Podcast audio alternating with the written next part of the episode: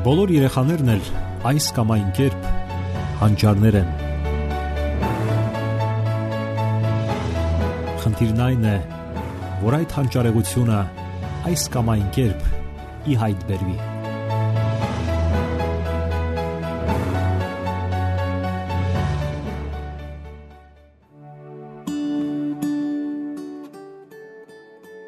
Բարև ձեզ սիրելի ռադիո լսողներ։ Եթերում դասերակցություն հաղորդաշարն է։ Երեխաները սիրում են ծաղրել։ Սիրում են հեգնել, չընդունել նրանց, ովքեր պարզապես իրենց նման չեն կամ իրենց նման չեն մտածում։ Ինչ անել, եթե նման իրավիճակում է հայտնվել ձեր երեխան։ Նա չի ցանկանում դպրոց գնալ, ամեն հնարավոր առիթով խուսափում է եւ ցանկանում է տանը մնալ։ Հարկավոր է սովորեցնել նրան, թե ինչպես կարող է հարթել մանկական կամ դեռահասային հիմնախնդիրները։ Մանկական հոգեբանները ամենից առաջ խորհուրդ են տալիս չմիջամտել։ Ձեր միջամտությունը չի օգնի, որ երեխաները դադարեն ծաղրել նրան։ Նրանք կշարունակեն ծաղրել եւ ամեն տեսակի զզվելի բաներ ասել։ Նրանք այդպես էլ չեն հասկանա, որ ինչ որ մեկին ցավ են պատճառում, նույնիսկ ընդհակառակը մեծերի միջամտությունը որպես կանոն հակառակ արդյունքն է տալիս նրանք ավելի բացասաբար են սկսում տրամադրվել եւ այդպես էլ չեն ընդունում իրենց ընկերակցությունը, չեն շփվում հավասարը հավասարի հետ։ Պատճառն այն է, որ նրան համարում են այսպես կոչված խաբար բզիկ, ով ամեն ինչ պատմել է մեծահասակներին։ Ինքը չի կարողացել հաղթահարել իրավիճակը եւ կանչել է ծնողներին։ Նման միջամտությունները հաճախ հանգեցնում են երեխայի մեկուսացման։ Երեխան ինքն էլ է սկսում սխալ հետևություններ անել, մտածելով, որ ինքը չի կարող հաղթահարել իրավիճակները եւ միշտ կունենա մեծահասակների կարիքը։ Արդյունքում երեխան զրկվում է ինքնահարգանքից։ Այնինչ նա պետք է վստահ լինի իր սեփական ուժերի հանդեպ։ Դրան գումարենք նաև այն, որ երեխան կսկսի չհարգել նաև ծնողներին, որովհետև միջամտել են իր եւ համադասարանցիների վիճաբանություններին։ Իսկ արդյունքն էլ բացասական է ստացվել։ Ինչպես օգնել երեխային։ Այստեղ տարբեր մոտեցումներ գոյություն ունեն։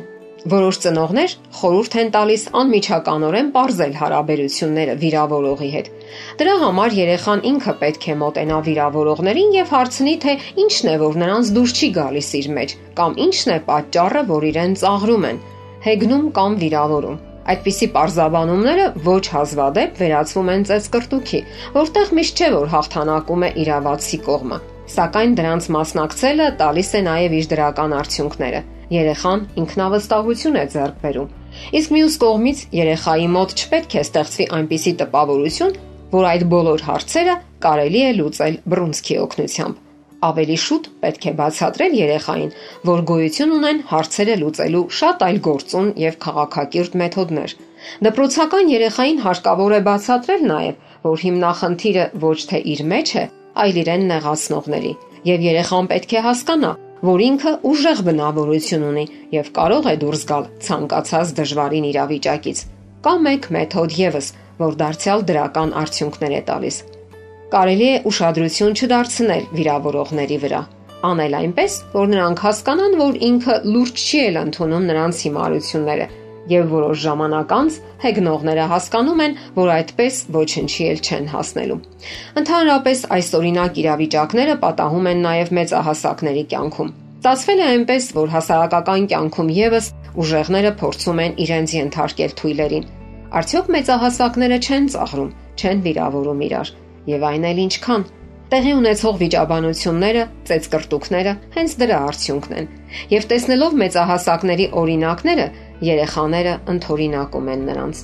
Նրանք ընթորինակում են այսպես կոչված փողոցային բարքերը։ Նրանք ընթորինակում են այսպես կոչված փողոցային բարքերը։ Ուժի դիրքերից խոսելու բարքերը։ Դա հատկապես սուր է դրսևորվում դեռահասային պատանեկան շրջանում, երբ նրանք փորձում են հաստատել իրենց դիրքերը, հասկանալ իրենց տեղը ընկերական շրջապատում։ Այդ շրջանում են երեխաները ինքնահաստատվում, ձեռք բերում իրենց համար կարևոր արժեքներ, հեղինակություններ, որոնց փորձում են նմանվել։ Իսկ դա մեկ օրվա կամ մեկ ամսվա լուծելու հարց չէ։ Մեծահասակները դրան նախապատրաստում են իրենց դաստիարակության ողջ գործընթացում, տարիների ընթացքում։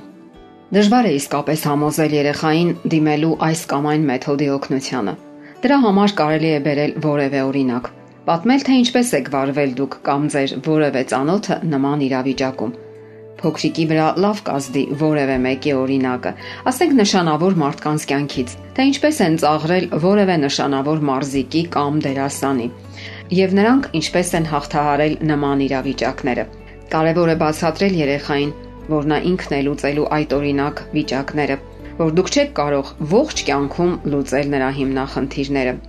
Իսկ եթե երեխան պնդում է, որ իրեն այլ դպրոց տեղափոխեք, այդ դեպքում հարկավոր է մտածել։ Ամեն ինչ կախված է կոնկրետ իրավիճակից, սակայն որպես կանոն դա չի փոխում վիճակը։ Մանկական հոգեբանները խորհուրդ են տալիս հարցը լուծել տեղում։ Չէ՞ որ այդ օրինակ իրավիճակը կարող է կրկնվել մեկ ուրիշ դպրոցում, իսկ դա կարող է ավելի խորացնել իրավիճակը։ Երեխան կփորձի դարձյալ փախչել հետագա տհաճություններից, եւ նա ոչ մի հետեւություն չի անի տվյալ իրավիճակի առումով։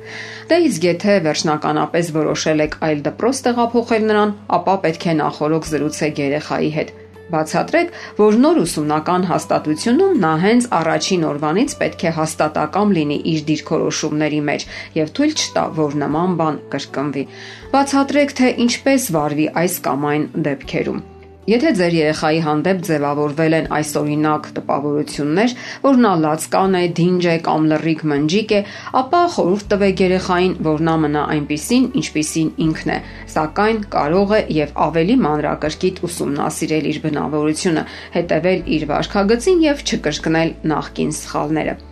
Եվ այսպես, եթե առաջացել են հիմնախնդիրներ դասարանցիների հետ, Հնարավորություն տվեք երեխային լուծելու կոնֆլիկտը։ Ձեր օգնությունը կարող է միայն վնասել նրան։ Իսկ եթե իրավիճակը չի փոխվում, ապա բացատրեք երեխային, որ խնդիրը ոչ թե իր մեջ է, այլ իրեն նեղացնողների։ Եվ ընդհանրապես, որ ամենակարևորն է,